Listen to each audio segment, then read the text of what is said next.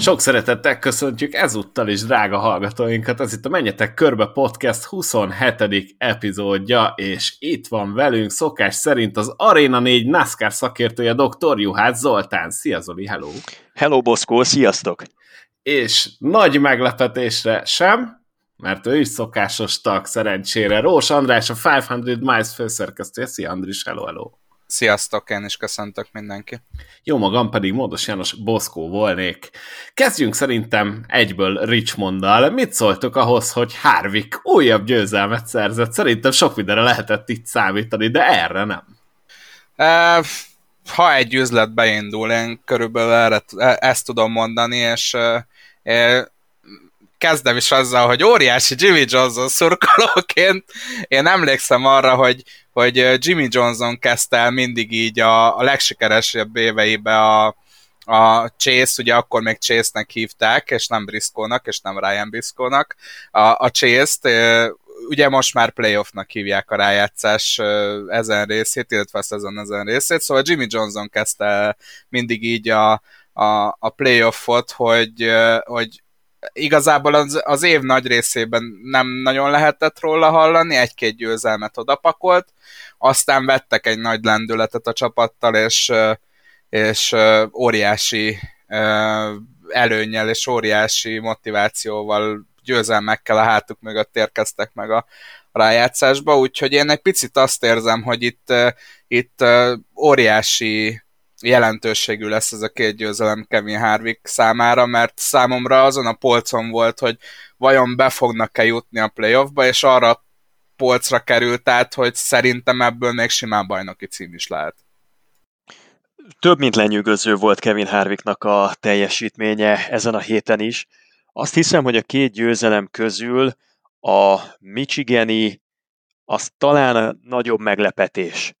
Richmond valahol benne volt a pakliban, hogy nem fognak rosszul menni, még talán a Stuart házasok sem, mert talán egy lapos, rövidebb ovál az kevésbé hozza elő a Fordoknak a lemaradását, ami most már egyáltalán nem biztos, hogy készpénznek vehető.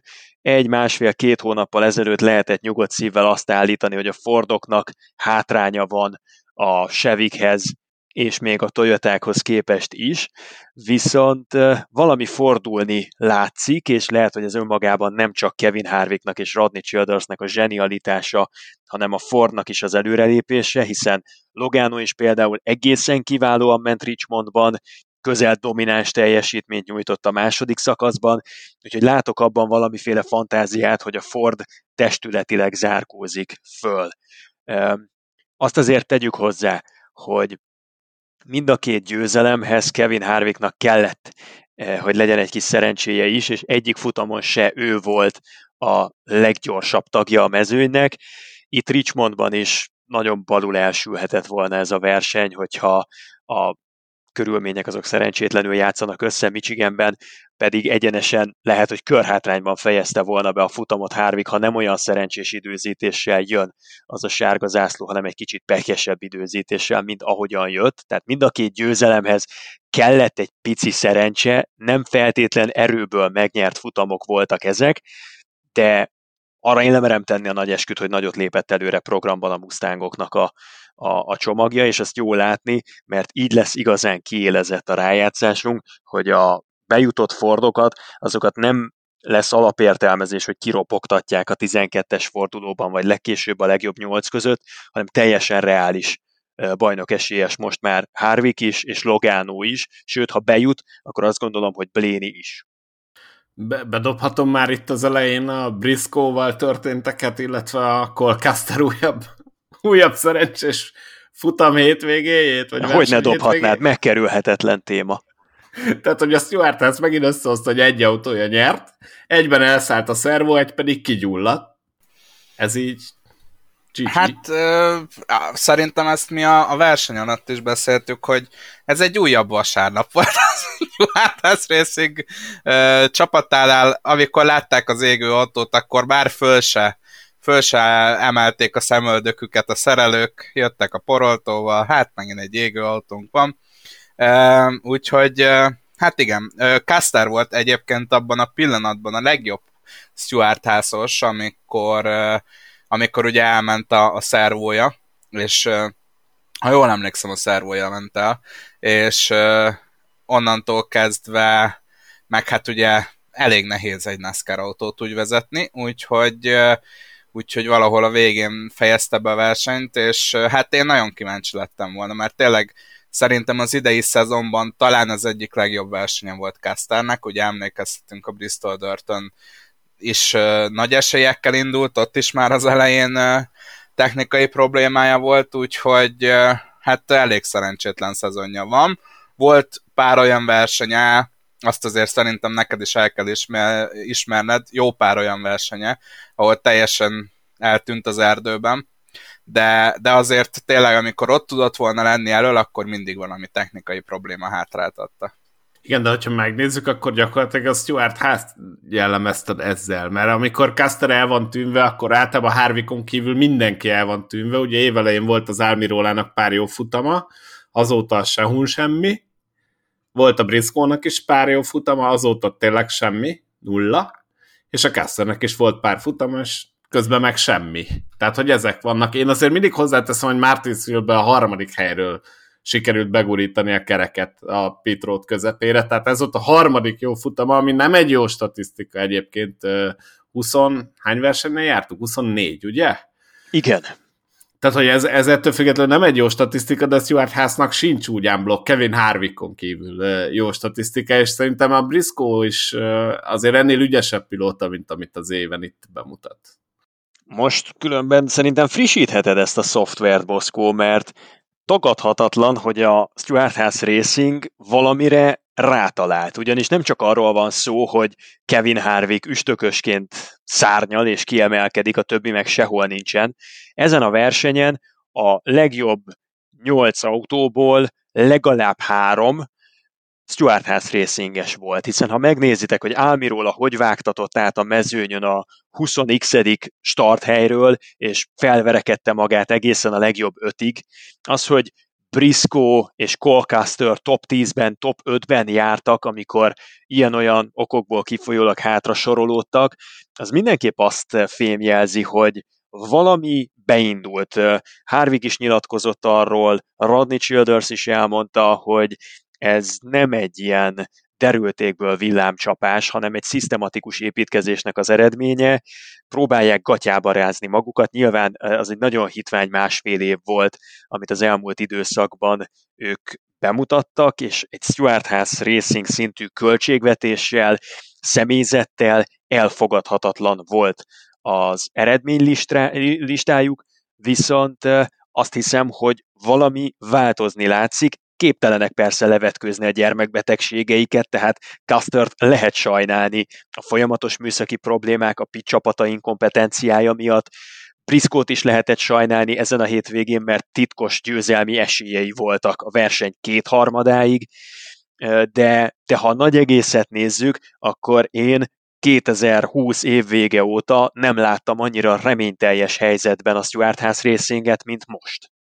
Igen, de én úgy érzem, hogy egy picit összedughatták a fejüket a Fordos csapatok, mert látod, hogy Busher is fantasztikusan ment, bár ő, neki ugye voltak villanásai az utóbbi időben, viszont amit e, engem teljesen lenyűgözött, az, az hogy az idén gyakorlatilag semmit nem mutató Brett Keselowski, és a verseny nagy részébe top 10-be ment, aztán ugye ő is ő is egy kicsit megjárta azt az időjárás változást, meg, meg pályahőmérséklet változást, amit a, a végére ugye Joey Loganoval is elintézett. Úgyhogy, úgyhogy ahogy te is mondtad, itt a Fordoknak globálisan javul a teljesítményük, és, és azzal egyetértek, hogy itt a, a playoffba is nagyon kell figyelni rájuk. Az meg, hogy, hogy most itt az utolsó két versenyen mi lesz mm, a, a, abban a tekintetben, hogy ki fog bejutni a playoffba, ugyanis hogyha két Fordos győztesünk lenne, új Fordos győztesünk, amire azért simán megvan az esély, akkor, akkor ugye Kurt Busch a pontszámai alapján a sok kihagyott verseny miatt kiesne, tehát akkor még több Fordos versenyzőnk jutna, juthatna be. Nyilván ezek, e, ezek, ezek még nagyon a ha kategóriák, de jelenleg tényleg látni a Fordnál, hogy, hogy van javulás. Én mondanék két Fordos versenyzőt, akinek szerintem lenne helye a, a rájátszásban, és megérdemelte lenne helye a rájátszásban, és egyelőre nincsenek a közelében sem. Kitaláljátok-e legalább az egyiket? Chris Busher. Chris Busher, így van. És a másikat? Na hát, ha másik is megy. Már az első volt olyan simán, azt mondom, mire egyből gondoltál. Andris, Andris teszi rá a másikat, mert én nekem most hirtelenjében olyan, akit nyugodt szívvel beeresztenék a rájátszásba az eddigi összkép alapján, én olyat nem tudok mondani a fordosok közül. Hát Bléni, jó, oké. Okay, Bléni, így jó, van. Okay. Ö, fú, de jó, hogy mondtad, mert én egyébként BJ McLeod és Cody között gondolkodtam. szóval szerintem Bushernek és Bléninek is lenne helye, és hogyha még, még nagyon hunyorítok, akkor én oda tudnám tenni harmadiknak McDowell-t is, ugyanis mutatott az éven kiugrót, és szerintem egy-egy esélyt meg megérdemelne ő is a rájátszásban. Én, én azért reménykedem benne, hogy legalább Léninek ez összejön, de ezen a hétvégén is, hát igen, csak halovány volt ahhoz képest, hogy mondjuk most már csak tényleg két verseny maradt, és hogyha bármelyikkel lesz futamgyőztes, akkor a Blaney-nek ennyi volt a playoff.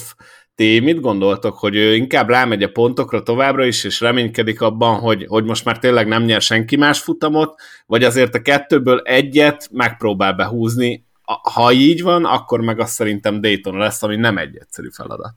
Számomra a millió dolláros kérdés az, és, és ez egy tök jó kérdés, hogy milyen stratégiával és milyen szemlélettel állnak hozzá hétről hétre Bléniék a versenyekhez. Ugyanis szerintem annyira konzisztensen top 10-ben úgy nem lehet menni, hogy gyakorlatilag egyszer sem vagy nyerő pozícióban. Márpedig Ryan Blaney nem talán erről az előző podcastban is beszéltünk, nem emlékszem, hogy mikor volt utoljára olyan versenye, amikor amikor láttam rajta azt a tüzet és agresszivitást, hogy, hogy ő most itt nyerni fog. Tehát, meg hát ugye tempót. Úgyhogy itt nálam felmerül a kérdés, hogy direkt úgy hívnak-e stratégiákat, hogy biztosra menjünk. Direkt Bléni esetleg egy picit óvatosabban megy, bár hát ugye a NASCAR-ban lehetne olyat mondani, hogy óvatosabban megy. Úgyhogy igen, számomra ez a, ez a nagy kérdés, hogy, hogy direkt ennyire direkt rámennek a konzisztenciára, ami azért egy óriási kockázatos dolog, úgyhogy még lesz egy Daytonánk, vagy egyszerűen csak tényleg így jön ki a dolog, hogy egyszer sincs olyan tempójuk, ami a győzelemre elég lenne. Érdekes kérdés lesz, hogy a hétvégi Watkins Gleni versenynek az első, illetve a második szakasznak a végén két-három körrel a zöld-fehér kockás zászlónak a meglengetése előtt. Mi lesz a döntés Bléniek szempontjából? Rámegye arra, hogy kéri a pontszámokat, és megpróbál a szakaszhajrákból kihozni 6, 7, 8, 9, 10 pontot, hogy ezzel bebiztosítsa, hogy pontok alapján senki más, tehát Truex, nyilván Eric Jones már nagyon le van maradva, szóval hogy Truex nem tudja őt megverni, erre utazik Bléni, vagy arra utazik, hogy a Watkins Glenny verseny megnyerése szempontjából optimális stratégiát választja, és két-három körrel a szakaszok lezárását megelőzően jön a pitródra. Ez szerintem sokat el fog árulni arról, hogy mi zajlik le Hesslernek a fejében, mi játszódik le Blaney-nek a fejében, de a helyes megközelítés az szerintem csak is az lehet, hogyha nem előre elhatározott stratégiával vágnak neki a versenynek, hanem reagálnak a pillanatnyi erőviszonyokra. Ugyanis nagyon más a jó döntés abban az esetben, hogyha Bléni alatt egy top 5-ös kocsi dolgozik, amivel szerintem nem szabad feláldozni az autóban rejlő lehetőségeket azzal, hogy rámennek a szakasz hajrákra, tehát akkor egy top 5-ös technikával menni kell két-három körrel a szakaszok vége előtt a pitródra, és a nagy egészet szem előtt tartva rá kell hajtani a futamgyőzelemre. Nem engedheti meg magának Bléni azt, hogy egy top 5-ös autóval ne harcoljon a győzelemért, mert akkor nagyon könnyen kívül találhatja magát a playoffon. Viszont, hogyha nincsen top 5-ben a teljesítménye a pillanatnyi tempója alapján, akkor szerintem butaság lenne nem felvenni a részhajrápontokat, és legalább Truex-et kívül tudni a rájátszáson, legalábbis ugye pontok alapján. Szóval akkor járnak jól Bléniék, hogyha nyitva tartják a lehetőségeiket, és van annyi rugalmasság a stratégiájukban, hogy erre képesek reagálni. Én akkor most rákérdezek nálad, Zoli, kőkeményen a, a Caster témára, mert hamarosan nem nagyon beszéltek róla három adásig, de hogy nem vélsz felfedezni összefüggést abban, hogy javul a Stuart House teljesítmény, és Colcastert nem a csapat végén találod, hanem leginkább az elején? Tehát mondjuk Indianapolisban is ő volt az, aki bejött top 10-be az autóval. Már, már azt mondom, hogy már a Coca-Cola 600-on jó versenyt futott egyébként, és azóta talán egy, egy rossz futama volt, és mindig valami történik vele. Tehát vagy kigyullad ugye a defektes kerék miatt, vagy tényleg elrontják a pitelését, vagy, vagy, vagy, de hogy amúgy a csapat élén megy, tehát hogy konkrétan veri Briscoe-t. Lemaradtam arról a meetingről, amikor ezt ennyire elviellel ki lehetett jelenteni, hogy konkrétan veri Briscoe-t. Ezen a hétvégén például Castor is jól ment, Briscoe is jól ment, bármelyikük csak előbb. szerencsés. Most csak előbbi volt előrébb, tehát ebből gondolom. Nem, hát Briscoe is top 5-ös, sőt, Briscoe a top 5-ből sorolódott vissza, amikor jöttek a problémák a versenynek a kétharmadánál nagyjából. Tehát eh, én ezt így nem jelenteném ki. A szemmel látható, hogy Cole Custer eh, hát legalább annyira áldozata a csapata munkásságának, mint amennyire áldozata a saját eh, technikai, vagy hogy mondjam, képességbeli korlátainak, mert egyelőre úgy tűnik, hogy az ő mérsékelt, visszafogott szereplése az legalább annyira betudható a 41-es gárda szégyen teljes produkciójának, mint amennyire visszavezethető annak, hogy talán nem Cole Custer a világtörténelem legjobb stockautó versenyzője. Ettől függetlenül az jó látni, hogy ahogyan zárkózik fel a Fordos csomag, úgy én hozzád hasonlóan látok előrelépést Colcasternek is a megközelítéseiben, egyébként időmérő edzéseken egész jól muzsikál mostanában, és azt például Baba Valasztól tudjuk az ő nyilatkozataiból, hogy egyáltalán nem olyan könnyű műfaj az időmérő edzéseken jól menni.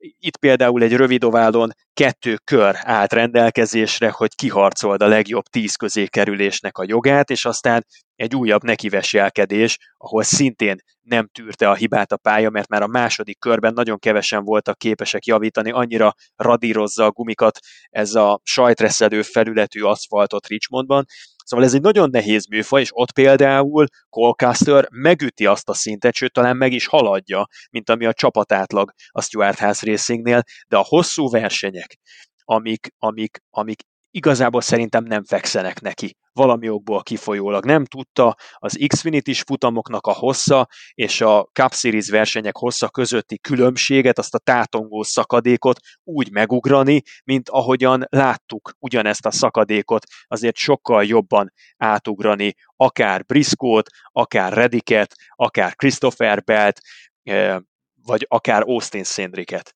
Tehát ebben én egy kicsit problémásnak vélem, hogy Custer nem tud eh, a saját árnyékából kilépni, eh, ha valami picit előre is lépett, eh, de, de még mindig én tartok tőle, hogy nincs meg hosszú távon az ő fejében, hogy hogyan épít fel egy három-három és fél órás versenyt, ez hiányzik, vezéregyéniség meg abszolút nem tud lenni csapaton belül, ami azért valamilyen szempontból elvárható lenne már egy harmadéves lassan veteránná érő versenyzőtől, hogy, hogy ilyen helyzetekben azért legyen benne egy tartás, és legyen benne egy karizma, összerántsa a csapatot, vagy számonkéréssel, vagy motiváció útján, vagy valami egyéb módon, de, de én nem látok tőle ilyen vezéregyéniség karaktert, és ezt, ezt abszolút hiányolom az összes megnyilvánulásából. Nem azt látom Cole Custerön, hogy egy céltudatos figura, aki látja, hogy hol van az A, meg hol van a B, és hogyan vezet az A-ból a B-be az út, és ő hogyan fogja tudni a két pontot összekötni.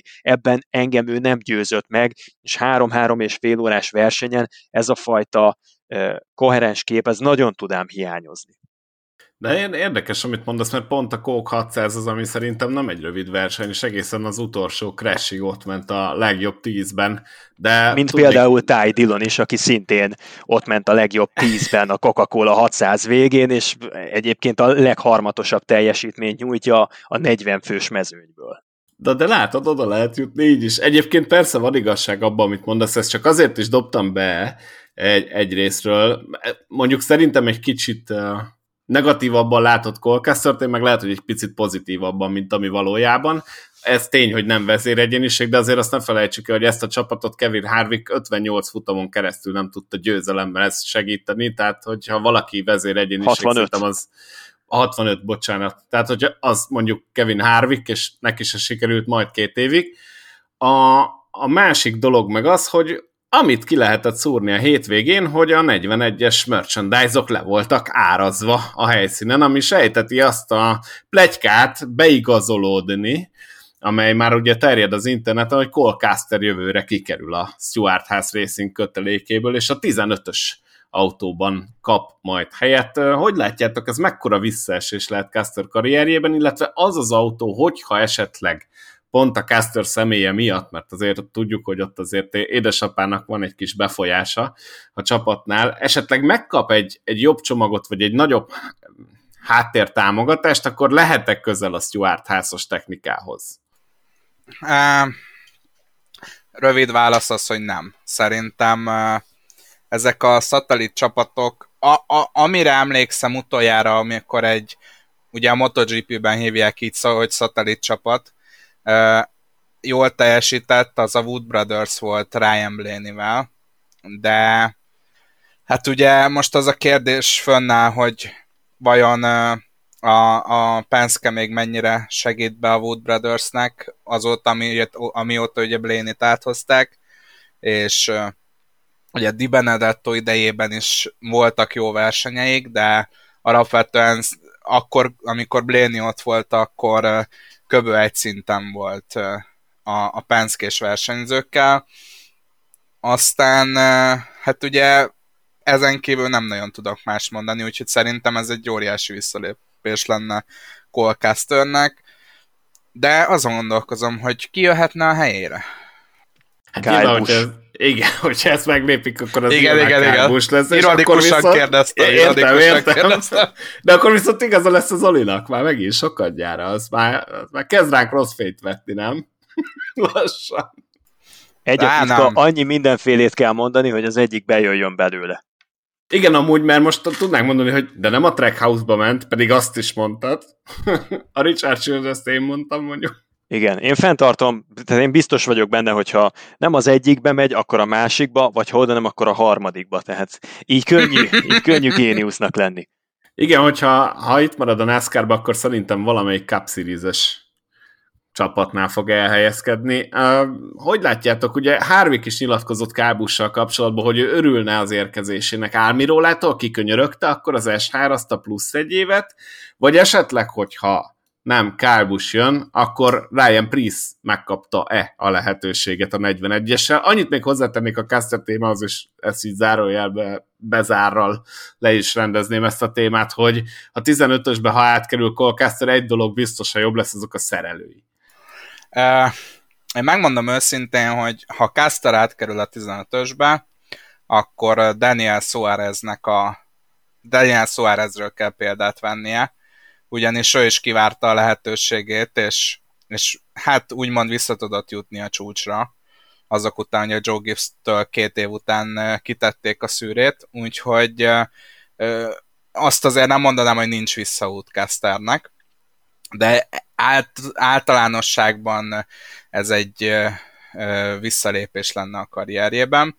Viszont igen, hát érdekes, hogy, hogy ennyire ennyire megszabadulnának Castertől, mert azért hogy ugye a, a Joe Gibbsnél ha jól emlékszem, akkor Eric, vagy Martin Truex Jr. jött a helyére, aki azért ez egy bizonyított sztár volt, azt hiszem pont a bajnoki éve után került oda a 19-es autóba, úgyhogy ott azt megértettem, de azért Cole Castert lecserélni Ryan Priestre, Tehát azért Priest sem mutatott olyan sok mindent a karrierje során, hogy egy ekkora döntést meghozzon a, a Stuarthez.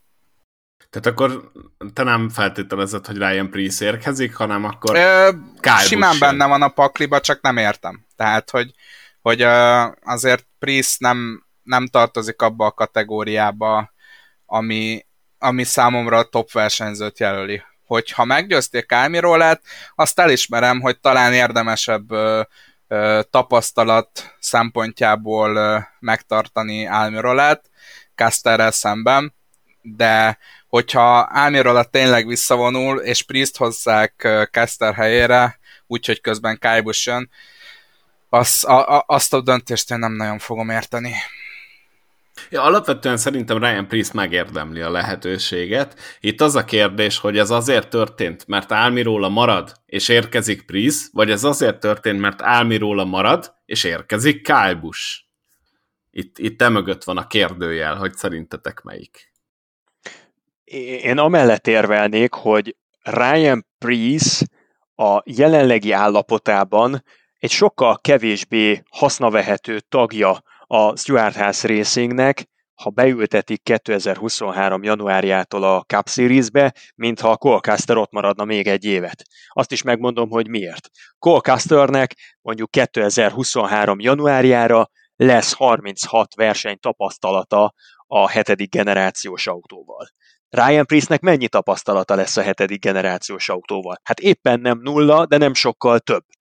És azért, amikor mindenki számára vadonatúj volt ez a kocsi, e, azok az első hónapok, az első 10-15 futamnak a tapasztalata, az iszonyú sokat jelentett, Arról nem is beszélve, hogy most, amikor majd olyan pályákat kezdenek el újra felkeresni, ahol már egyszer jártak a hetedik generációs autóval, ott meg, hogyha nem egy, hanem két referenciád lesz, akkor az a 2023-as várakozásokat nagyban ö, elősegítheti.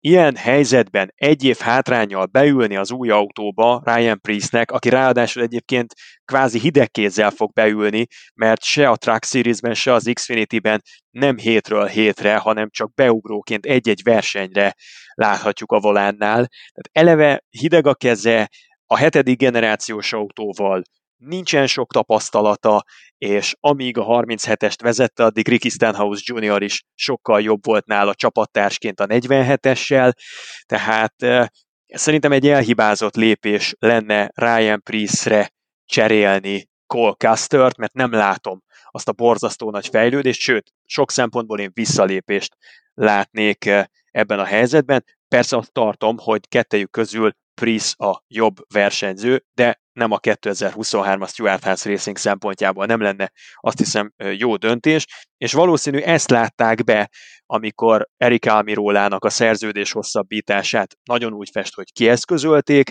Gene Hászék, a negyedik autó az meg fenn van tartva arra, hogy vadásznak egy nagy nevet, ha meg nem, akkor ott van az üzembiztos Cole Custer, vagy az üzembiztos Ryan Priest, akik fognak hozni egy olyan veterán teljesítményt, ami kapja majd a kritikát, de, de tűri is azt, mert, mert végül is mind a kettő egy szürke eminenciás, meg lehetett szokni az ő jelenlétüket már, e, úgyhogy nem lenne különösebb izgalmas választás se Priestnek a beugratása, se Colcasternek a szerződésének a meghosszabbítása, úgyhogy szerintem e, az istállót ez a döntés ez nem fogja kihúzni a kátyúból. Na de akit idén láttunk először futamot nyerni, azt hiszem 196 verseny után, de javíts ki Zoli, hogyha tévedek, én nem vagyok a számok ember, az Daniel Suarez volt. Ugye Szonomában sikerült neki megnyerni, tényleg fejből mondom 197. futamát? Na most jó. Fejből jó, nem fog menni. Esetleg, ha utána nézek hoppá, úgy. Hoppá, hoppá. Ó, hát ilyet. Komolyan mondom. Hát ilyet. Na mindegy, nem akartak nárag úgy egyre behúzni a, a csőbe, de Daniel Suarez sajnos a versenyen, hogy kicsit visszakanyarodjunk, elütötte szerelőjét. Mm, egy kicsit túlcsúszott a, a pit helyén, és az ott keresztbe futó szerelőt sikerült hát sajnos elég durván elcsapni. Én úgy tudom, hogy nincs baja az úri embernek, de majdnem kiesett Noah Gregson elé, és aki cipelte a kerekeket, az is majdnem kifutott az incidens miatt Noah Gregson elé. Az egy iszonyatosan veszélyes jelenet volt, és csak azért akartam ezt bedobni, mert szeretném elmondani, és egyébként Suarezék is elmondták, hogy, hogy itt látszik, hogy, hogy mennyire kockázatos dolog ez, és hogy mennyire komoly sportembernek kell lenni, hogy ezt, ezt tényleg valaki tudja csinálni ott a pitfalon. Iszonyatosan veszélyes volt szerintem. Igen, és tényleg óriási öröm, hogy igazából nem történt nagyobb baj, viszont azt azért tegyük hozzá, hogy, hogy az idei szezonban amennyi változás volt a, a kiállásoknál, a kiállások koreográfiájánál, a versenyzőknek a fékeket mennyire meg kellett szokni, tehát teljesen máshogy működnek ezek a fékek. Lásd Kyle Larson Indianapolisba a tökéletes példa erre. Tehát teljesen máshogy működnek ezek a fékek, mint az elmúlt 10-15 évben. Úgyhogy azt gondolom, hogy óriási szerencse, hogy az idei évben nem láttunk több ilyen balesetet, és és hát ugye Suárezzel is ismerte, hogy baromi rossz érzés, amikor elütöd a saját emberedet, úgyhogy, úgyhogy uh, Suárez miatt is, meg hát ugye nyilván a, a szerelő miatt is megkönnyebbülés, hogy nem lett nagyobb baj. Cory Baldwinnak hívják egyébként az úriembert. Egy, amúgy az emelősével is érintkezett Suarez autója, Josh Appleby-nek hívják őt, és végül hát Cory Baldwin a, a az első kerékcserét végző szerelőt sikerült ilyen durván elcsapni. Én megmondom, hogy picit felsziszentem, tényleg elég nagy ütés kapott, de tehát nem, nem jön ez át kívülről teljesen, hogy ők mekkora veszélyben vannak, bár nagyon-nagyon sokszor elmondjuk, hogy ezt tényleg az életükkel játszanak, ott, amikor beugrálnak ne, nem kis tempóval érkező autók elé, és hát itt most megvolt a baj, de, de szerencsére megúsztuk. Hogyha Noah Gregson egy kicsit beljebb jön ott, akkor, akkor szerintem ennek még tragédia is lehetett volna vége. Rossz volt nézni. 195 egyébként utána jártam a dolognak, 195 verseny kellett ahhoz Suáreznek, hogy megszerezze az első győzelmét a Cup Series-ben. Közel jártam. Ja, igen, elfogadjuk. Most nagyjából annyi futam van mögötte már összességében, mint amennyit te mondtál, úgyhogy a nagy totál tekintve e, igaz. Mindig kulcsfontosságú, hogy hogyan készítik fel a saját pitállásukat a csapattagok. Erre vannak különféle technikák, kukorica sziruptól elkezdve, erre a PJ1-szerűségre nagyon hajazó vegyület, amit felkennek, cukorszirup, Coca-Colából kikevernek mindenféle löttyöket, sűrítményeket, és ezzel próbálják a tehát ugye azt, azt biztosítani, hogy az autó nagy sebességről is meg tudja fékezni saját magát, és a beugró csapattagok se csúszanak el, hanem lehetőség szerint ragadjon a talpuk. E, itt most egyértelműen Suarez túl nagy bemeneti sebességet választott, és e, nem tudott már időben megállni, elrántotta a szerelőt, úgyhogy tényleg csak a szerencsém múlott, hogy, hogy, hogy nem történt itt nagyobb baleset.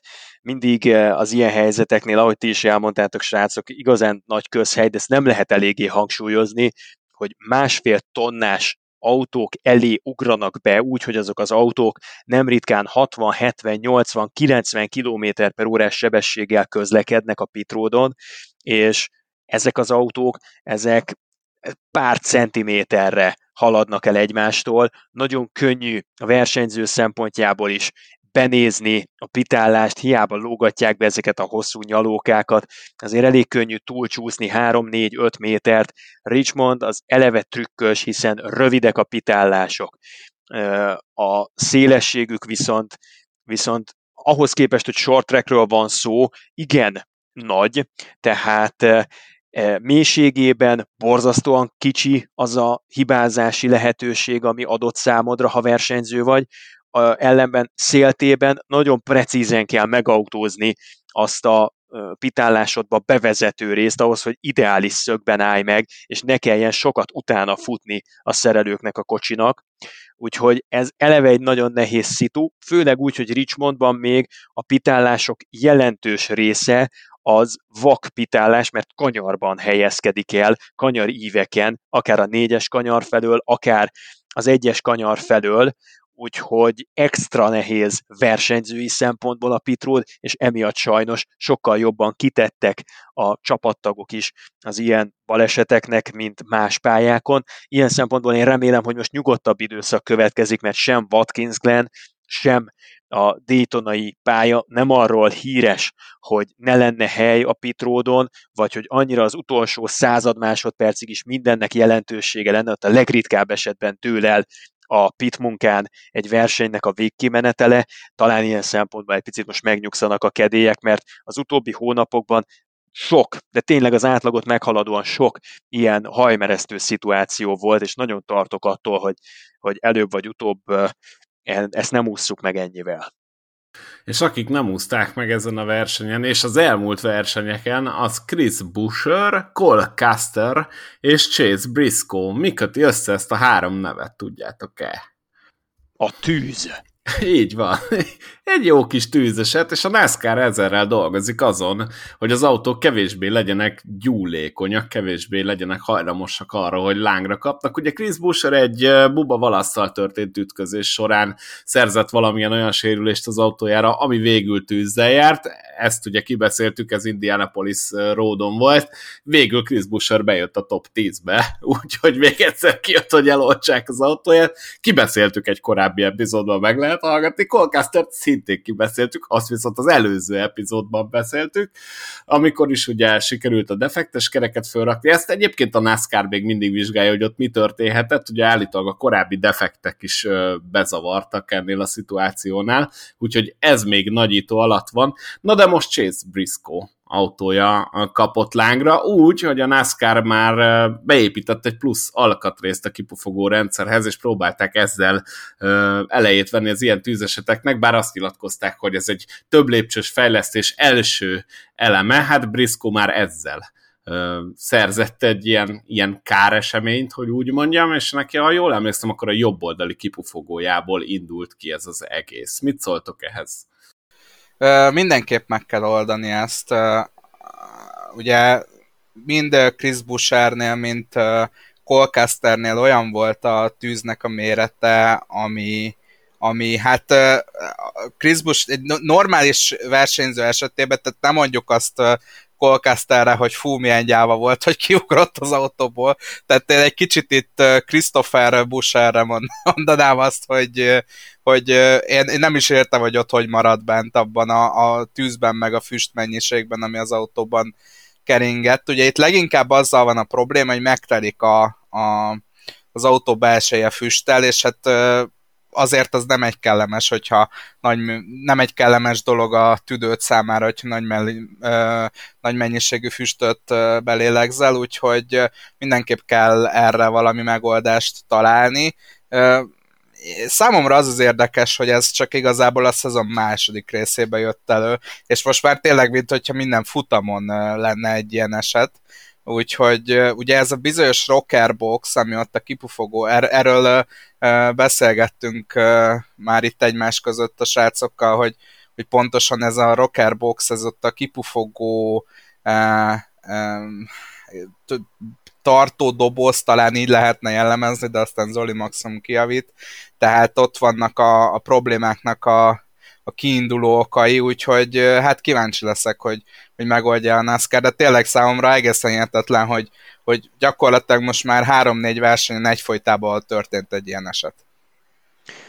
Van egy-két aggasztó jel azért a hetedik generációs kocsival. Nyilván túlnyomó többségében elégedettek vagyunk azzal, amit kaptunk, mert az látszik, hogy megmentette az intermédia tovább versenyzést az új hetedik generációs autó. Ennek fényében például nagyon sajnálom, hogy autoglabot továbbra is át akarják alakítani, és meg is kezdték a főtribünöknek a lebontását az egyes kanyarnál.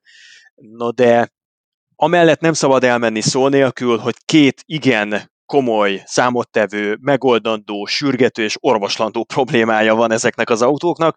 Az egyik a tűzveszély, és ugye ezzel összefüggésben az, hogy általánosságban túl nagy hőt cipel magával ez a kocsi, tehát hogyha ott elromlik a hűtőmellény, a levegőkeringetés, ami ugye a versenyzőknek a sisakjába fújja be a hűvösebb levegőt, akkor annak olyan jelenetek lehetnek a következményei, mint például AJ Allmendingernek az Indy Road végén, amikor, amikor tulajdonképpen egy önkívületi állapotban egy, egy ilyen félig meddig halucinogén helyzetben hozta haza valahogy a 16-ost, ember nem tudja szerintem, hogy az hogy ért célba az az autó, és utána ki is terült. Tehát túl sok hőt cipel az autó, a nyári forróságban, meg azokon a pályákon, amik a fékeket igazán terhelik, azokon a mindenféle fékpor, defekt esetén a gumimaradványok, gumifoszlányok, azok abszolút tűzveszélyt eredményeznek, ezek ráadásul átterjednek a kokpitre, és a versenyzőket nem tudják ettől függetleníteni. Ez az egyik legnagyobb probléma. A másik legnagyobb probléma, ami még talán ennél is nagyobb, az az, hogy relatíve ártalmatlannak tűnő, viszonylag kis G-erőkkel járó becsapódások, azok, azok sokkal inkább megviselik a versenyzők szervezetét, mint tette azt egy hasonló intenzitású becsapódás egy-két-három évvel ezelőtt. Láthattuk Baba Valasznak az atlantai balesetét, láthattuk Kurt Buschnak az edzés balesetét, ezek olyan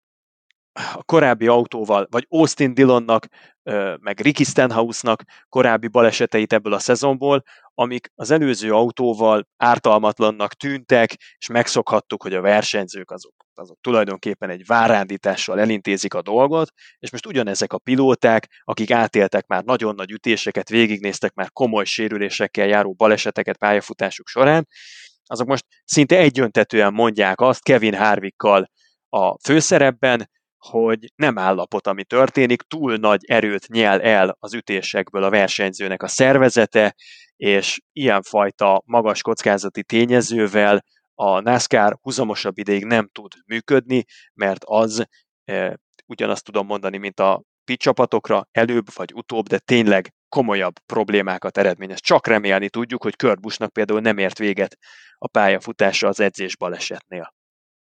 Azt egyébként tudjuk, most van ilyen nagyon-nagyon friss információnk a felvétel pillanatában, ami szerda este van ki, és este, hogy Kurt Busch tud-e indulni Watkins Glenben? Nincs még bejelentés az én legjobb tudomásom szerint erről, viszont ha belegondoltok, akkor nagy butaság lenne, azt hiszem, Kurt Busch-t pont most visszaereszteni. Ha megnézitek a naptárat, akkor amennyiben Kurt Busch elindul Watkins Glenben, akkor el kell indulni a Daytonában is, más megoldás nem nagyon kínálkozik. Watkins Glen is, ott az egyes kanyar tumultus jeleneteivel, Daytona meg aztán az elejétől a végéig minden egyes centiméterén magában hordozza egy újabb balesetnek a lehetőségét, de Watkins Glenben is olyan ártalmatlanabbnak tűnő részei a pályának, mint például ott a hátsó szekcióban a, az egyenes szakaszok, főleg a külső hurokról lefelé jövet, az az egyenes, az is hozott már nagyon komoly baleseteket Jeff Gordonnak a megforgásos balesetére gondolok itt elsősorban, amik kiemelten veszélyessé teszik ezt a pályát. Tehát szerintem a reális döntés az az, hogyha Kurt Busch rehabilitációját szép kényelmesre veszik, és majd a rájátszásnak az első versenyén ráérő szerintem bekapcsolódni a küzdelmekbe. Én nem erőltetném pont erre a két hétvégére a visszatérését. És ha már Kurt Busch, akkor beszélgessünk egy kicsit a 23-11 csapatról, és Kurt Busch csapattársáról, aki nem más, mint Baba Wallace, és most pedig bejelentették Danny Hamlinnel, hogy meghosszabbított a szerződését, és nem tudjuk pontosan, de több évig a csapat versenyzője marad. Danny Hamlin egyébként azt mondta, hogy amikor leigazoltuk babát, akkor az volt a célunk, hogy segítsünk neki magasabb szintre emelni a karrierjét, és Hamlin úgy látja, hogy ezt valójában meg is tették. Baba Wallace megszerezte első futamgyőzelmét a csapattal, azóta pedig már pol pozícióját is, szintén az elsőt a NASCAR Cup Series-ben, úgyhogy úgy néz ki, hogy ez a párosítás működik, és Babát szívesen látják a csapatnál.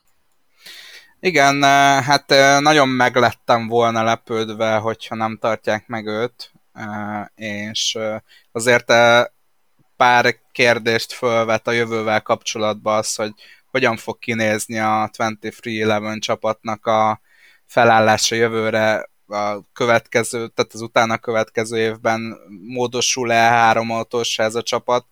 Ugye annyi biztos, hogy Baba Valasz és Tyler Reddick 2024-ben ott lesznek ennél a csapatnál. Az meg már más kérdés, hogy lesz-e mellettük egy, egy harmadik autó. Főleg annak a tekintetében, hogy ugye felmerült a héten az is, hogy, hogy illetve hát egy újságíró tette föl a kérdést Kyle hogy hogy ha Joe gibbs nem tud maradni, akkor esetleg a Toyota másik csapatához, a 2311 Racinghez átigazolhat-e, de szerintem Kyle Busch-nak az az utolsó gondolata, hogy kitúrja a saját csapattársát a, a, a 2311-től. Testvérét. testvérét. Vagy a testvérét, igen, bocsánat.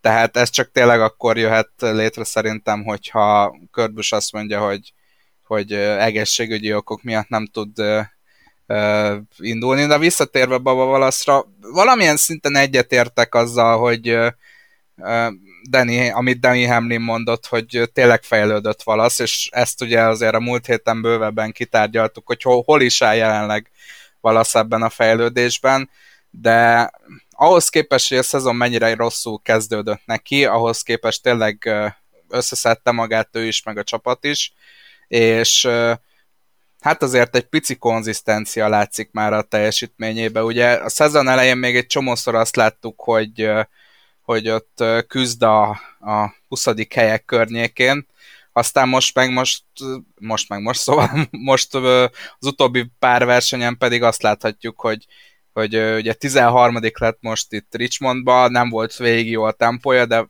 végig ott tudott menni a top 10 közelébe, szóval egyetértek, fejlődött Baba Valasz, de ez még mindig egy folyamat része, viszont én azért örülök neki, hogy, hogy a NASCAR-ba tud maradni, mert, mert hát kell egy ilyen személyiség is ebbe a szériába. Ez volt az egyértelmű döntés, azt hiszem, tehát a 23-11-es gárdát, azt Baba Valasszal kezdték el betolni az érdeklődés középpontjába, és egyértelmű volt, hogy amikor Baba Valasz elkezd olyan teljesítményt nyújtani, amire rá lehet fogni, hogy kiegyensúlyozott, és a világszínvonalat alulról nyaldosó produkció, akkor ott komolyabban képbe kerül a hosszabbításnak a lehetősége.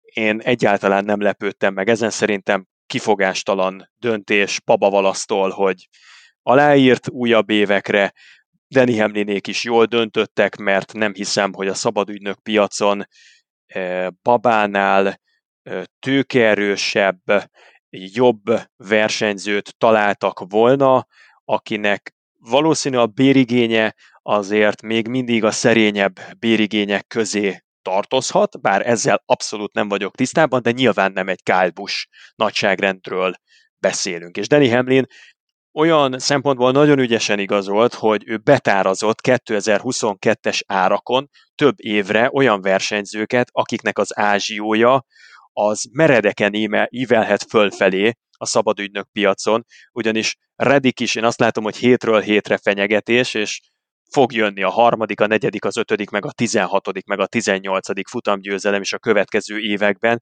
és egyre följebb és följebb megy az ázsiója. Baba Valasznak az utóbbi hetekben négy darab zsinórban egymás után bemutatott top 10 megint csak fémjelezte azt, hogy az építkezésnek elérkeztünk egy következő szintjére. Tehát Danny Hamlin 2022-es árakon megszerzett magának hosszú távra fiatal, tehetséges versenyzőket, akik ha megfelelő a technika és jó pit csapatok kerülnek a 23-11-es ernyője alá, akkor kiteljesíthetik ennek az új Toyotás csapatnak az ígéretét. Danny Hamlinék remekül építkeznek, már csak egy plusz charter hiányzik, meg mondjuk egy olyan nagyvad, mint Kyle Busch, akit ez a sajnálatos eset, ami körtel történt, ez nyilván közel hozhat a 23-11-eshez is adott esetben. Úgyhogy a legizgalmasabb prospekt a Trackhouse és a Colleague Racing mellett a 23-11-es, akik a 2020-as, 30-as évek NASCAR-ját simán dominálhatják, uralhatják, nem lesz örökké Rick Hendrick, nem lesz örökké Roger Penske, nem lesz örökké Richard Childress, kit hagytam ki a felsorolásból. Na mindegy, talán a legnagyobbakat elmondtam. jön az utánpótlás, és az utánpótlás az Justin Marks-szal, Danny Hamlinnel, Matt Koliggal kezdődik, ki tudja, kiket hoz még magával. Vagy Brett Keselowski valaki. Vagy például Brett Keselowski-val, igen. Jack Roush direkt nem mondtam, mert azért a saját ut- utódlásáról ő is valamilyen szinten gondoskodott. Igen, igen, hát Keselowski egyébként szerintem a csapatépítésben jobb lenne most jelen állás szerint, mint a versenyzésben. Én, én hiszek abban amúgy, hogy ő még föl tudja emelni azt a csapatot, csak szerintem a figyelmét nem tudja kellőképpen megosztani. Tehát amíg ez Danny Hamlinnek, bár beszéltük, hogy az év elején nem teljesen sikerült, most már úgy tűnik, hogy mintha megugrotta volna ezt a feladatot is, és egészen jól elmenedzselgeti a saját kis NASCAR-os versenyeit, és mellette a csapatát és szerintem nagyon-nagyon jó hatással van Baba Valaszra Danny Hamlin jelenléte, de Andris is itt említette, hogy esetleg egy harmadik autó is szerepet játszhat a csapat életében a jövőben. Ehhez azonban chartert kellene vásárolnia újra a csapatnak, és akkor itt megint elmondjuk, hogy mi is az a charter. Gyakorlatilag ez egy olyan olyan jog a NASCAR-ban, ami biztos indulási jogot jelent az összes pontozásos Cup Series versenyre, tehát hogyha valamelyik csapatnak egy ilyenje van, akkor az összes, tehát mind a 36 futamon rajthoz állhat, nem kell kvalifikálnia, és nagyobb pénzdíjakban részesül, mint hogyha az Open kategóriában odaállna és bekvalizná magát a versenyre. És ehhez kapcsolódó hír az, hogy egyes források szerint, leginkább a Sports Business Journal derítette ezt ki, 20 millió dollárt is elkérhetnek egy-egy ilyen jogért, ez pedig azért is érdekes, mert a legutóbbi vételárak ilyen 13 és 14 millió dollár környékén mozogtak, tehát azért mondhatjuk, hogy jelentősen megemelkedett az összeg, hogyha ez valóban így van. Ez egy 48%-os növekedést jelentene az árban, ami elég durva szerintem, de ez azért van, mert a csapatok reménykednek abban, hogy a, nem sokára lejáró tévés jogok nál, amikor azt újra kötik ők is a NASCAR-ral a szerződést, illetve a NASCAR megkeresi az új tévétársaságot, vagy lehet, hogy éppen a régieket, tehát az NBC-t és a Foxot, akkor egy jóval nagyobb adag lóvét tudnak ebből leakasztani. Jelenleg az évi 820 millió dolláros bevétel 25%-át kapják a csapatok. Ezt szeretnék egy kicsit megnövelni, és ennek gyakorlatilag egy elővetülése az, hogy ez a charter jog drágul, illetve ez az egyik oka, mert szerintem a másik az, hogy amúgy egyre nagyobb az érdeklődés a NASCAR iránt, és egyre többen nézik, és bizony van is érdeklődő ezekre a charter jogokra, hogyha a 2311 még nem is vesszük ide, bár szerintem Danny Hamlin már sokszor utalgatott rá, hogy esetleg egy három autós csapatot is szívesen elvezetgetne, de a Junior Motorsports, ugye Dale Earnhardt Junior Xfinity istálója kacsingat a NASCAR felé, és ők szeretnének megérkezni, úgyhogy ők egy erős vevőjelöltek, és vannak olyanok is, akik viszont lehet, hogy a jövőben megválnának egy-egy ilyen charter jogtól, mint például a Liquor Racing, vagy a Spire Motorsports, illetve a Live Fast Motorsports, az, aki az újságírók szerint itt az eladók sorába kerülhet. Mit gondoltok erről az összegről, és ezekről a csapatokról? Amíg Matt Colig és Danny Hamlin, valamint Dale Earnhardt Jr. ott van, és a kínálati oldalon vannak csárterek, addig szerintem egyértelmű, hogy emelkedni fognak az árak. Lehet azon vitatkozni, hogy ez mennyire egészséges az a 20 millió dollár, mert tényleg nagyon elnehezíti az új alakulatoknak az érkezését. Dale Earnhardt Jr. évek óta figyeli, ahogyan szállnak el a vakvilágba az árak, és mindig csak üldözi ezt a dimenziót, amilyen összegek itt röpködnek. Tehát nem biztos, hogy ez a legegészségesebb, ugyanakkor olyan szempontból mégiscsak pozitívumként értékelhető, hogy egy charter az annyit ér, mint amennyit a csapat tulajdonosok belelátnak a NASCAR-nak a közel és távoli jövőjébe. Ez egyfajta percepció arra vonatkozóan, hogy egy csapattulajdonos mennyire értékeli fenntarthatónak, profitábilisan működtethetőnek a NASCAR Cup Series beli versenyeztetést, és ezek a várakozások alakítják az árakat. Ha fölmennek az árak, az azt is magában hordozza, hogy alapvetően pozitív a közhangulat, azt gondolják, hogy jó munkát végez a NASCAR, Steve Phelps, a NASCAR-nak a atya úristene, az elnöke, illetve Ben Kennedy például, aki a naptár megalkotásában, az új projekteknek a levezénylésében megkerülhetetlen szereplő, és valószínűleg a televíziós társaságokkal való tárgyalások is kedvező irányt vehetnek a várakozások alapján. A nézettségi adatokról, szponzori érdeklődésről, már csak második körben tennék említést, mert 2025-től várhatóan a versenyistálók kevésbé lesznek rászorulva arra, hogy a szponzor felületeiken keresztül teremtsék meg a megélhetésüket, hiszen nagyobb szeletet kapnak abból a tortából, ami a televíziós jogdíjaknak a leosztása alapján áll elő. Úgyhogy én összességében ezt egy örömteli és, és, és teljesen pozitív fejleményként könyvelem el, azzal a pici árnyoldallal, hogy szerintem ez nehezíti a feltöltését a mezőnynek 36 versenyzőről 37-re, 38-ra, 40-re, mert nagyon régen láttunk olyan futamot, azt hiszem, hogy konkrétan a Daytona 500 volt az egyetlen idén, ahol a teljes 40 fős létszám nekivágott a zöld zászló meglengetésekor a versenynek, és azért én nagyon hiányolom azt a 4-5-6-7 plusz csapatot, ami adott esetben mondjuk egy Xfinity hétvégére leadja a nevezését, és a kupasorozattól viszont távol marad. Ez, hogy ilyen csárterárak vannak, ez szerintem távol tartja, és egy picit klubosítja, vagy törzsiesíti a Cup Series-nek a regulár istállóit, és nagyon nehéz lesz a szakadék például az Xfinity-ből lépést lépést tenni, vagy, vagy megugrani a, a, a különbséget, ami a, az Xfinity-t elválasztja a Cup Series-től. Ilyen szempontból van ennek árnyoldala.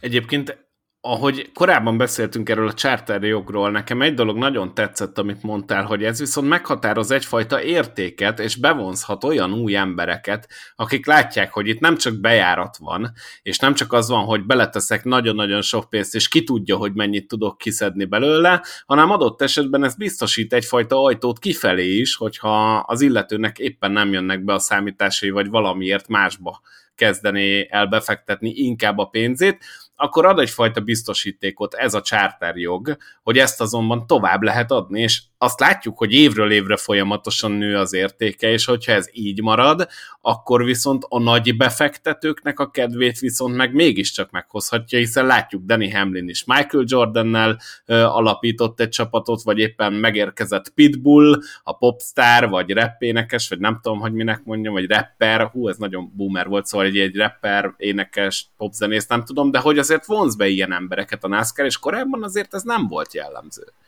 Igen, ez szerintem egészen addig egy jó dolog, amíg van mellette egy, egy olyan ember, aki ért is hozzá. Tehát azért Justin Marksnak óriási a szenvedélye a NASCAR iránt, de meg tudta szerezni Pitbull befektetőként. Danny Hamlinnek óriási a szenvedélye a NASCAR iránt, és meg tudta szerezni Michael Jordan befektetőnek.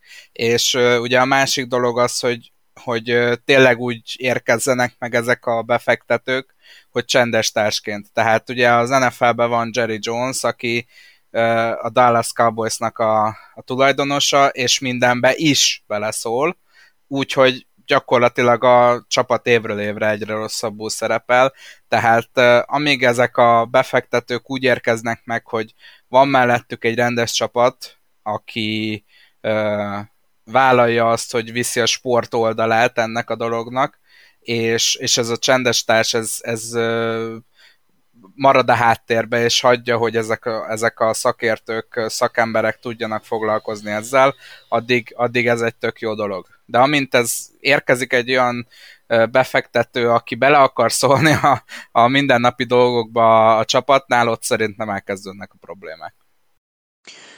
Én annak örülnék, hogyha valahogyan távol lehetne tartani ezeket a spekulációs célú chartervásárlókat. Nyilván eh, nagyon nehéz, meg nem is akarok, nem is akarok feltétlenül ebbe belemenni, de de az, az nem biztos, hogy egy jó irány, hogyha ha, ha zömében vagy túlnyomó részt befektetési szempontokat maguk előtt tartó üzletemberek, egyéb külső szereplők próbálják magukat bevásárolni a NASCAR Cup Series-be, bízván abban, hogy ami tavaly 13,5 millió dollár volt, idén 20 millió dollár, az jövőre 40 lesz, három év múlva meg 120 millió dollár. Nyilván lehet, hogy egy ilyen irányba indul el a sorozat, kicsit szkeptikus vagyok e tekintetben mindezek mellett. Én azt szeretném, hogyha mocskosul gazdag lenne mindenki, aki a NASCAR-ba fektet, mert ezáltal lenne képes a NASCAR megfelelően javadalmazni mindenkit, aki a professzionális karrierjét ezen a ernyőszervezeten belül képzeli el. Legyen szó egy pitcsapattagról, legyen szó egy versenymérnökről, aki a road crew-nak a tagja, vagy legyen szó egy marketingesről, vagy egy sajtósról, aki az észak-karolinai ö, csapat főhadiszállásokról vezényli a történetet, és mondjuk hétköznap reggel 9-től este 5 óráig dolgozik. Ugyanis ez egy nagyon kockázatos karrierút, legyen szó akár egy pitcsapat tagról, akár egy versenymérnökről, akár egy marketing személyzet, akár egy HRS-ről. Ez egy kockázatos üzem. Láttuk, hogy ahogyan a Chip Ganassi Racing tulajdonképpen egy, egy, egy pár hónap leforgása alatt az egyik eh, meghatározó istállóból a feledés homályába veszett, és csak Justin Marksnak a remek érzéke mentette meg az ott alkalmazott személyzet tagjait attól, hogy munkanélkülivé váljanak. Ugyanúgy itt pillanatok alatt szertefoszlanak jövőképek, a Levine Family Racinget tudnám példának hozni, vagy a Starcom Racinget, amik mint a hambadó cigaretta vég úgy tűntek el. Tehát egy nagy kockázatú, nagy önfeladást kívánó karrierút az, ha valaki a NASCAR-ban dolgozik, bármilyen területen, sok utazással jár, nagyon kevés magánélettel, és elképesztő munkateherrel. Azért 36 verseny plusz ezentúl kettő nem pontszerző verseny minden egyes évben, és télen jönnek a tesztek, az azért nagyon combos. Tehát az egyik leghosszabb sportszezon, vagy talán a leghosszabb sportszezon a profi sportok világában. Csak úgy lehet ezt egészségessé tenni, és, és megfelelően vonzóvá tenni, hogyha megfelelő a javadalmazás a legalsó szinteken is. Ehhez pedig az kell, hogy fönt nagyon sokan, nagyon sokat szakítsanak.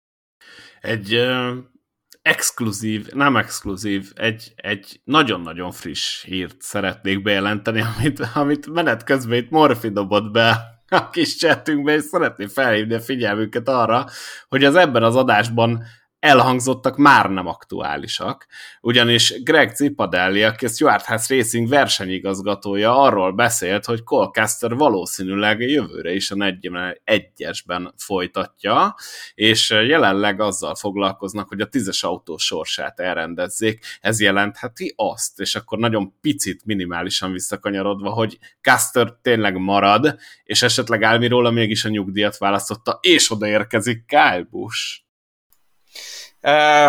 ez a megfogalmazás, hogy right now I believe that's our, that is what our plan is, jelen pillanatban így áll a helyzet, igen. Tehát, hogy Caster maradni fog. Ez jelentheti azt, hogy először szeretnék elintézni azt, hogy a tízes autó rendben legyen jövőre. Ugye azért bonyolult dolog ez, mert mert a szponzorral is, tehát oda is egy szponzort kell találni, vagy a jelenleg meglévő szponzort meghosszabbítani, és annak a szponzornak bele kell egyeznie a versenyző személyébe. Ezért is nehéz Álmiról a helyére egyébként más találni, úgyhogy szerintem először foglalkoznak a tízes autóval, és hát jelen pillanatban az a terv, hogy, hogy marad Caster, és én egy picit azt olvasom ki ebből a nyilatkozatból, hogy nagyban függ a tízes autó jövőjétől az is, hogy, hogy mi lesz Colcaster sorsa. Na mindegy, ez egy érdekes helyzet, csak hogy ne kelljen helyesbítenünk a következő adásban, gyorsan beolvastam, amit ide bedobtál, de kanyarodjunk egy picit könnyedebb témához, illetve üljünk fel egy kicsit arra a hullámra, amit előbb itt a charterekkel elindítottunk, ugyanis egyre népszerűbb a NASCAR, egyre többen vágynak a NASCAR-ba, és hát olyan sztárok jönnek akár csak egy-egy verseny erejéig is, mint Kimi Räikkönen, vagy Mike Rockenfeller, ugye Kimi Räikkönen is, és Rockenfeller is Watkins Glenben fog indulni most a hétvégén, Räikkönen a Trackhouse-zal, Rockenfeller pedig a Spire Motorsports-szal, úgyhogy nagyon-nagyon sokan cikkeztek Räikkönen érkezéséről, Németországban is elég sokat cikkeztek Rockenfellerről is, elég nagy vízhangja van most a NASCAR-nak, ugye Finnországban is egy külön műsor foglalkozott azzal, hogy most hogy is áll a NASCAR, tök jól így be is mutatták, hogy mi történik. Terjed, terjed az ige a világban. Szerintem ezek iszonyatosan jó dolgok, és keresve sem találni jobb embert, Kimi Räikkönennél, én azt gondolom, hogy a NASCAR-t egy kicsit promotáljuk. Végre valahára Kimi Räikkönen megérkezett az autósportok király kategóriájába, a nevelő szériában már van egy bajnoki címe, azért ezt jó látni, hogy igaz a visszavonulása után egy nem várt helyzetben, de hát itt van gyerekek, megjött. Igen, és uh, uh, igen, hát uh, picit szerintem már itt az újságírók is örülnek, hogy végre eljött az a hét, amikor Kimi Räikkönen versenyezni fog. Tényleg minden, a nemzetközi lapok is hát szinte naponta cikkeztek az érkezéséről, és hát nyilván mi is, úgyhogy már, már nagyon várjuk azt, hogy, hogy kiderüljön, hogy a hétvégén mire lesz képes. Ugye, Na és mire lesz képes szerintetek? Hát ez egy, ez egy jó kérdés. Szerintem az időmérőn nem fog jól szerepelni, és emiatt a versenyen sem lesz esélye mondjuk egy top 5-re, de szerintem a verseny második részében már tempóban lehet, hogy meg fogja közelíteni a top 10, top 5-nek a teljesítményét. Én merek, merek ilyeneket kijelenteni, mert én tényleg azt gondolom, hogy kevés olyan versenyző van a, a, a világon, aki, aki minden autóban gyors, és szerintem Kimi Räikkönen az egyik ilyen, és ehhez kell is ez az, hogy hogy nyitott gondolkozású legyél, és ezt Daniel Suarez mondta el egyébként, ez a cikk is elolvasható a, az 500más.hu oldalon, hogy nyitott gondolkodásúnak kell lenned, tehát meg kell hallgatnod a tanácsokat, szeretned kell azt, amit csinálsz, és tényleg nem csak egy promóció kedvéért ugrasz át, és Suárez is azt mondta, hogy szerinte Raikkonen így érkezett ide, hogy ő, ő tényleg eredményt akar elérni. Úgyhogy hát én kíváncsian várom gyakorlatilag a Trackhouse-nak tök mindegy, hogy hogy fog szerepelni Raikkonen, már, már most megvannak, és szerintem egy csomó meccset is el fognak adni, úgyhogy hát az egész, abban egyetértek Boszkóval, hogy az egész NASCAR-nak ez baromi jó. Hát ugye Rockenfeller személyében pedig egy Lomani 24 órás a 24 órás győztesről van szó, úgyhogy úgyhogy azért ő se egy nyeretlen két éves, úgyhogy a Spire Motorsport is szerintem nagyon jól járt azzal, hogy őt sikerült megszerezni erre a versenyre. Igen, és mindketten teszteltek már Virginiában, ugyanis a NASCAR külön engedélyével erre van lehetőség, és Raikkonen elmondta, hogy ő nagyon-nagyon jól érezte magát az autóban, és sokkal jobban tetszett neki így élőben, mint a korábbi generációs autók, azt mondta, hogy remekül néz ki, bár nincs sok összehasonlítási alapja, de, de remek érzés volt ezzel az autóval körözni. Én egyébként halkan hozzáteszem, én a legjobb 15-be várom Kimi Räikkönent, és Rockenfeller is szerintem a legjobb 20-ban lesz, elég, elég bolt tippek, de azt gondolom, hogy ha valaki megérkezik gyakorlatilag nulla tapasztalattal, akkor a legjobb 15-ben végezni egy road futamon az, az elég jó. Nagyon nehéz megítélni, hogy jelenleg hol tart a NASCAR Cup Series mezőnye egy épített pályán egy sportautóval, mint ami, ami lényegében a hetedik generációs kocsinak a leg célra törőbb megnevezése. Az, hogy például Joey Hand a 15-össel milyen csodákat hajt végre épített pályás versenyeken, a Rickwell racing különösen a szabad edzéseken, időmérő edzéseken szokott villantani, azt követően általában valami azért csak hátráltatja, de az velem azt mondatja, hogy van még tartalék, lenne még hova fejlődnie ezeknek a kupa regulároknak ebben a műfajban, hogy épített pálya és hetedik generációs kocsi.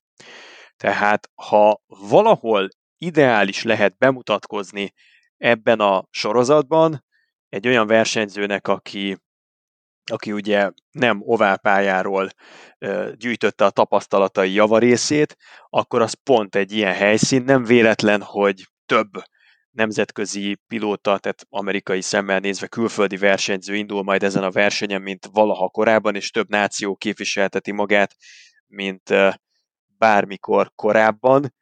Szóval ez szerintem egy jó bemutatkozási lehetőség. Azt ne felejtjük, hogy amíg a Rockefeller ő alapvetően egy sereghajtó technikába fog beülni a 77-esbe, addig Kimi Räikkönen megkapja a Tyler Rediken kívüli világ legerősebb istállójának, biztos vagyok benne, hogy a tökéletesen felkészített gépét. Tehát egy ekkora kudarcot nem fog megengedni magának Justin Marks, hogy Kimi Räikkönen alatt lerobbanjon az autó, és rajta röhögjön a félvilág.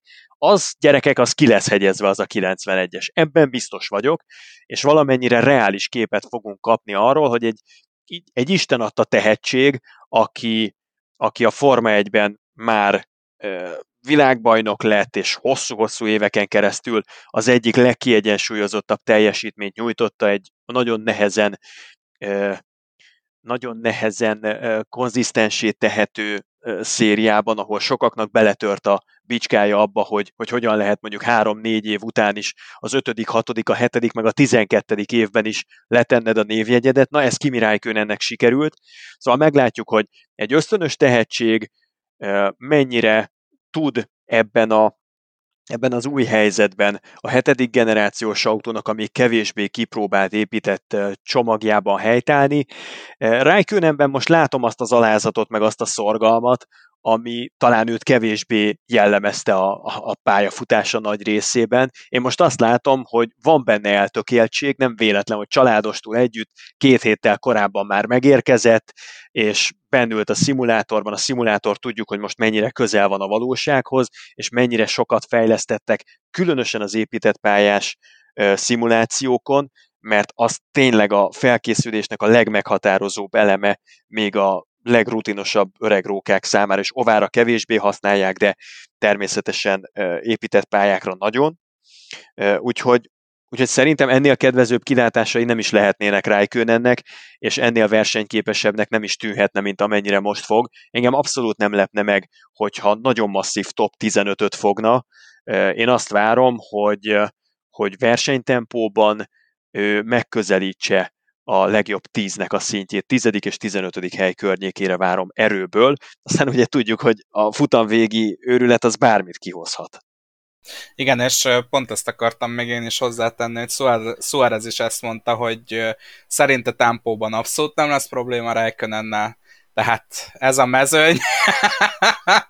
Ugye Suárez volt az egyik, aki Indianapolis után nagyon szitta a mezőnyt, úgyhogy nem csoda, hogy ezt lenyilatkozta, hogy itt olyan agresszív dolgokat csinálnak a versenyzőtársak, meg ö, olyan manővereket ö, úgy védekeznek, úgy támadnak, hogy, hogy ezt talán, ezt talán nehéz lesz megszokni Rijkönennek, és erre lesz a legnehezebb átállnia mondja ezt pont ugye bagolja a verébnek, nem? Mert Daniel Suarez éppen Ryan Blaney első lökhárítóján végezte azt az Indianapolis-i versenyt, kihúzta a gyufát Blaney-nél. Én arra leszek kíváncsi, hogy hányan fognak rászállni esetleg Rijkönenre, vagy hányan lesznek azok, akik kicsit tisztelet tudóbban bánnak vele az átlagnál. Szerintetek lesz ilyen kivételezés, vagy mindenki úgy lesz vele, hogy hát ő egy közülünk, aztán gyerünk utcu neki. Most miért emelett ki Ross chastain Ja, nem ide, bocs. Szerintetek hát, meg lesz cseszténezve Rijkénen a hétvégén? Igen, szerintem Kájbus most behozott egy új fogalmat a NASCAR-ba, we got Chastain. Meg hát, lettem uh... cseszténezve. Szerintem ezt Igen. most már lehet köznéviesíteni itt is, tehát ha bármikor rossz napotok van, srácok, vagy úgy érzitek, hogy valaki elbánt veletek rútul, nyugodtan vezessük be ezt a fogalmat, és fertőzzük le Magyarországot egy ilyen nyelvújítással. Meg lett cseszténezve. Volt nekünk szimulátorban, egyébként vicces, mert ő már az árkában versenyzik, Rajakarutról van szó, szimulátorban sokáig együtt versenyeztünk vele. Na most ő csinálta azt az egyik Martinsville verseny, hogy úgy lépkedett előre, hogy mindenkit kilögdösött, tehát úgy lögdösött ki, hogy neki ment hátulról, és egy picit letaszajtotta a pályáról, és minden eset után bemondta a közös chatbe, hogy sorry my bad. Na most erről ez jut eszembe rossz Chastainről is, hogy Hát figyelj, a elnézést kérni sokkal egyszerűbb, mint előre engedélyt kérni, úgyhogy, úgyhogy ez az egyik mottom az, az életemben, úgyhogy Chastain is ennek él, hogy utólag bárkit a bocsátot lehet kérni. Ja, végül is megoldásnak megoldás, hogy előre juss. Különben a kérdésedre visszakanyarodva, Boszkó, szerintem szerintem az csak nagy butaság lenne, nem, hogyha valaki felszecskázná Kimi Räikkönent, tehát, tehát annyira destruktív lenne a saját megítélése szempontjából, hogy egy ilyen megkülönböztetett figyelem által övezett versenyzőt egy ilyen futamon kitesz el a küzdelmekből, az, az, az tényleg rossz cseszténi magasságokba vagy mélységekbe repíthet téged a többi versenyző megítélésében.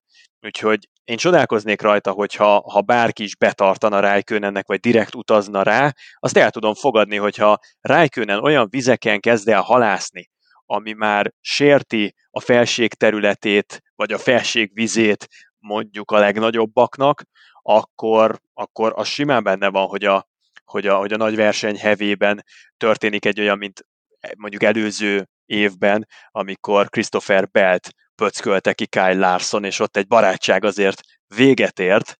Szóval ilyen versenyszituációk előfordulhatnak, de abban is biztos vagyok, hogy azért a legtöbben képzeletben úgy bekarikázzák maguknak a 91-est, és, és úgy vannak vele, hogy, hogy, hogy ő tabu, tehát őt, őt ezen a versenyen nem nagyon kéne feltétlen felpasszírozni, pont verseny szempontjából édes mindegy, hogy hol végez, egyébként meg a megítélésedet nagyon le tudod rontani, hogyha mém lesz belőled.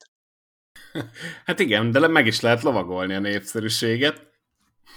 Végülis a negatív reklám is reklám, de pont azért kérdeztem a két végletet, hogy viszont lesz-e olyan, aki meg azt mondja, hogy jó van, bátya, menjél, hát most az, hogy én 17 vagyok, vagy 18 igazából mindegy, csináljad. Hát azért csak a csapattársai, bár ugye pont Chesterről van szó, talán a csapattársai nem fognak vele nagyon kardoskodni, meg uh, szerintem, hogyha egy veterán versenyző mögé ér, tehát mondjuk egy Harvicknak nincs egy olyan jó versenye, vagy egy Danny Hamlinnek nincs egy olyan jó versenye, akkor azért ők uh, azt fogják mondani, hogy, hogy mennyi. De alapvetően én azt érzem, hogy alapvetően ez igaz a NASCAR-ra, hogy akinek van tapasztalata, az, az el tud engedni szituációkat, de a, eszembe jutott még egy név egyébként, Joey Logano, ami egy, egy Logano egy csatára is kíváncsi leszek. Logánóra el tudom képzelni, hogy, hogy azt mondja, hogy ki ez a srác.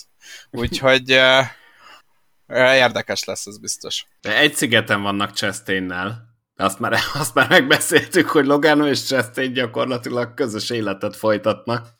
És szerintetek fordítva mi a helyzet? Tehát egy Raikönennek, egy Rockenfellernek elmagyarázzák, hogy hogyan néz ki jelenleg a NASCAR Cup Series-nek a képe?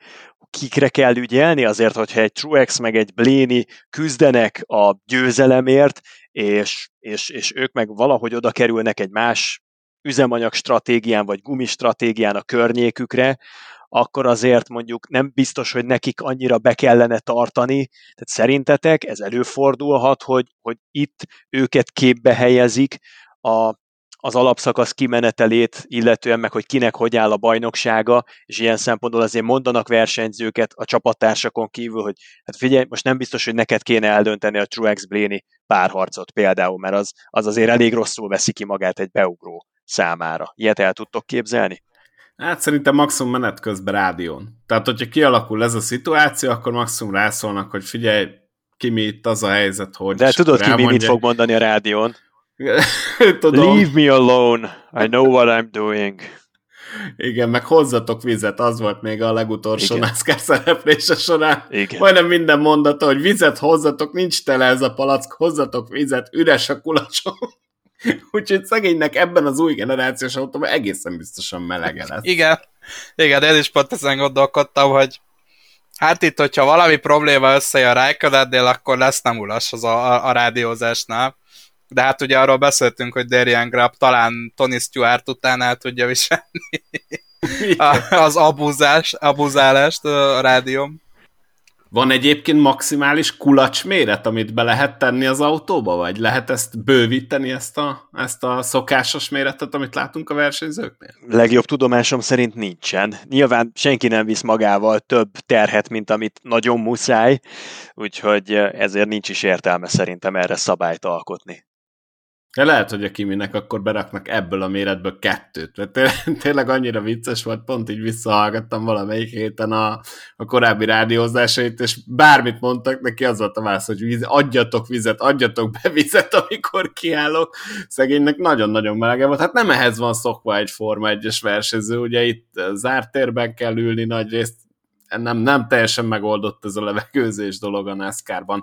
Na de, eljutottunk oda, hogy ki volt a hét nyertese, vesztese, vagy esetleg erkölcsi, illetve egyéb külön díjasa, és egy picit megkönnyíteném a dolgotokat azzal, hogy az egyikre legalább jelölök, mit szóltok, mert nálam a Hallgatjuk. külön a külön díjasra teljesen egyértelmű jelöltem van, az pedig az a Cory Baldwin, akit sajnos Suárez ugye elütött a boxban, és azért is mondanám őt erre a külön díjra, mert az első gondolata az volt a Palinak, miután majdnem kiesett Gregson elé, aki át, kis híján áthajtott rajta, hogy gyorsan a, a kereket tegyük föl, és már állt föl, és már kezébe vette a kis kulcsot, és már állt oda, hogy akkor csináljuk, és meg is oldották egyébként azzal az emelőssel együtt, akinek szintén egy kicsit megkarcolt a lábát ez, úgyhogy nálam ő erre a díjra egyértelmű jelölt. Ebben meg tudunk egyezni, vagy van egyéb ötletetek? Meg, én erre áldásomat adom. Andris?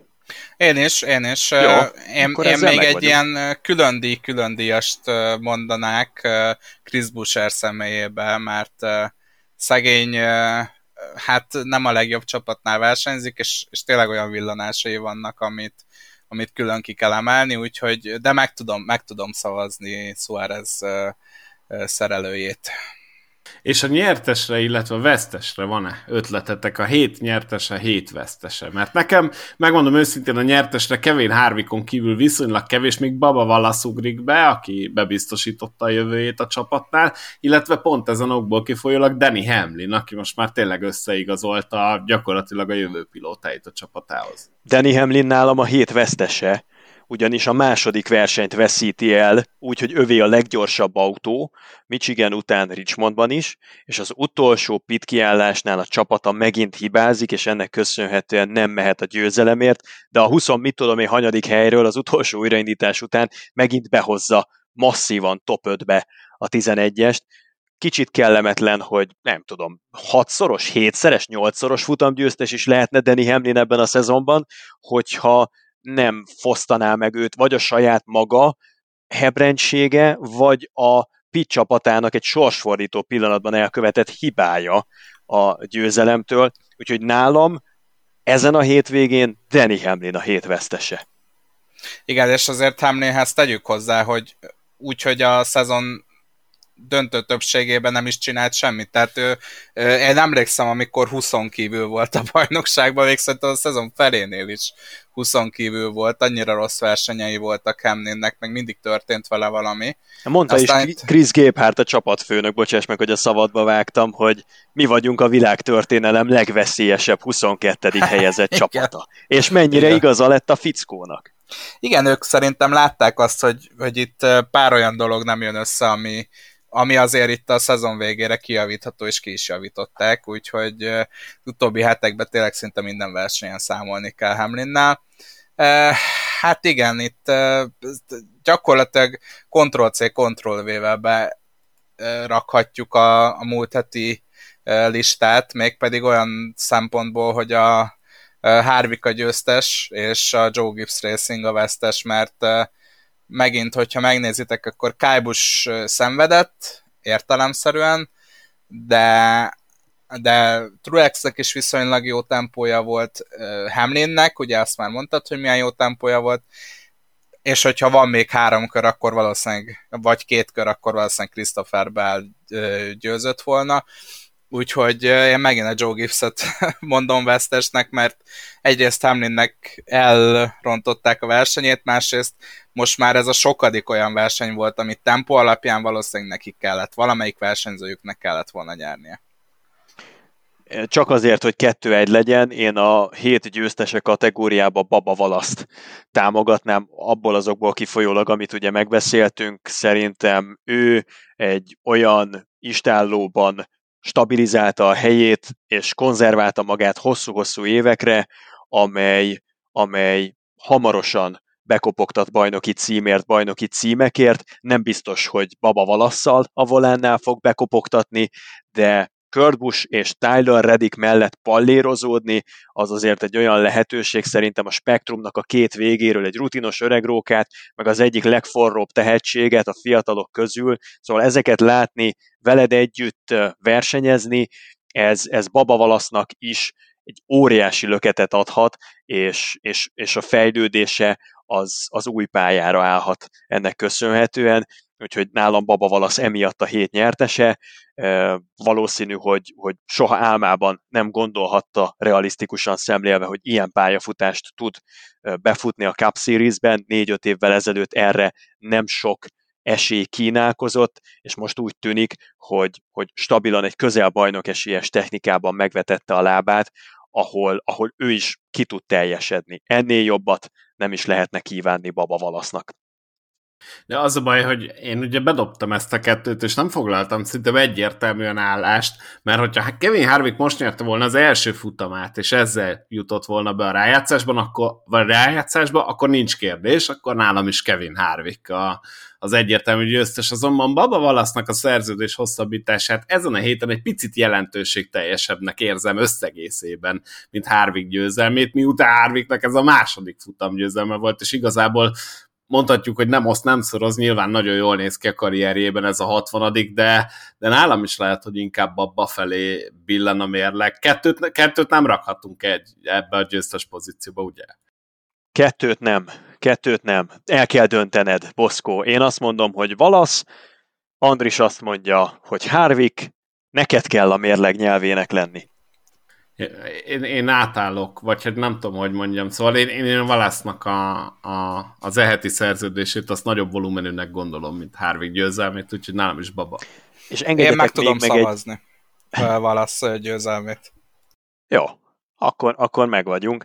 A hét vesztese kategóriában azért egy honorable mention Martin Truex, aki szerintem az utolsó esélyét is elveszítette arra, hogy az alapszakaszból kiharcolja a rájátszásba jutást. Persze Watkins Glen és Daytona ott van még, de nagyon távolinak érzem a reményeit.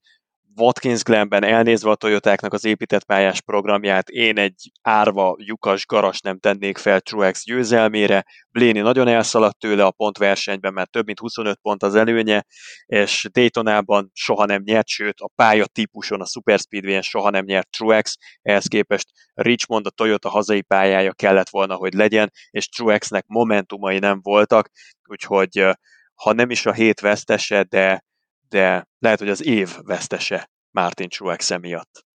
De akkor itt viszont én meg egyetértek a Morfival, mert annyi lúzer volt ezen a héten is a Joe Gibbs részében, hogy így akkor tegyük meg már így ámblokka az egész csapatot Legyen. a hét vesztesének. Mert Legyen. tényleg hát a Danny Hamlinnek az elrontott kiállása, a Truex, az, hogy a Bellnek a stratégiája nem adta ki, tényleg ott volt már Harvick gyakorlatilag lökhárítóján, és nem tudott mit csinálni, mert vége volt a versenynek, Kálbusnak az egész úgy volt rossz, ahogy volt, úgyhogy én ezzel az Andris féle komplet Joe Gibbs racinget oda rakni a vesztesen, ezzel teljesen egyet tudok érteni, és tudok azonosulni. Legyen így, ez, ez szerintem tűpontos volt részünkről.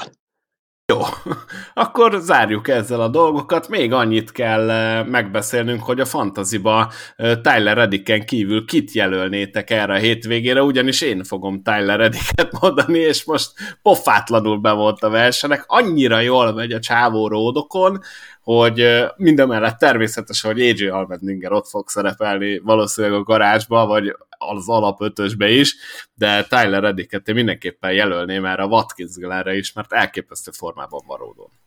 Az az igazság, hogy én elszámoltam magamat, és három csészeli otthon maradt itt a szezon végére, úgyhogy lehetne rossz embere, rosszabb embert is berakni Watkinsra, mint Chase ottot, de hát ő, ő az én pikkem, és hát értelemszerűen Daytonára is be fogom majd rakni, mert mert szerintem ott akkora lögdösödés lesz, hogy aki egy picit nyugodtabban fog tud menni, tudni menni, az, az lehet, hogy jobban kijön a végén. Minden esetre Watkins Glenre Chase ott rakom meg, ó, nagyon stabil Eliott ebben a szezonban, mind az épített, mind az ovál versenyeken, úgyhogy szerintem Eliottal nagyon mellélőni nem lehet, akinek még van Eliottja így a szezon végére.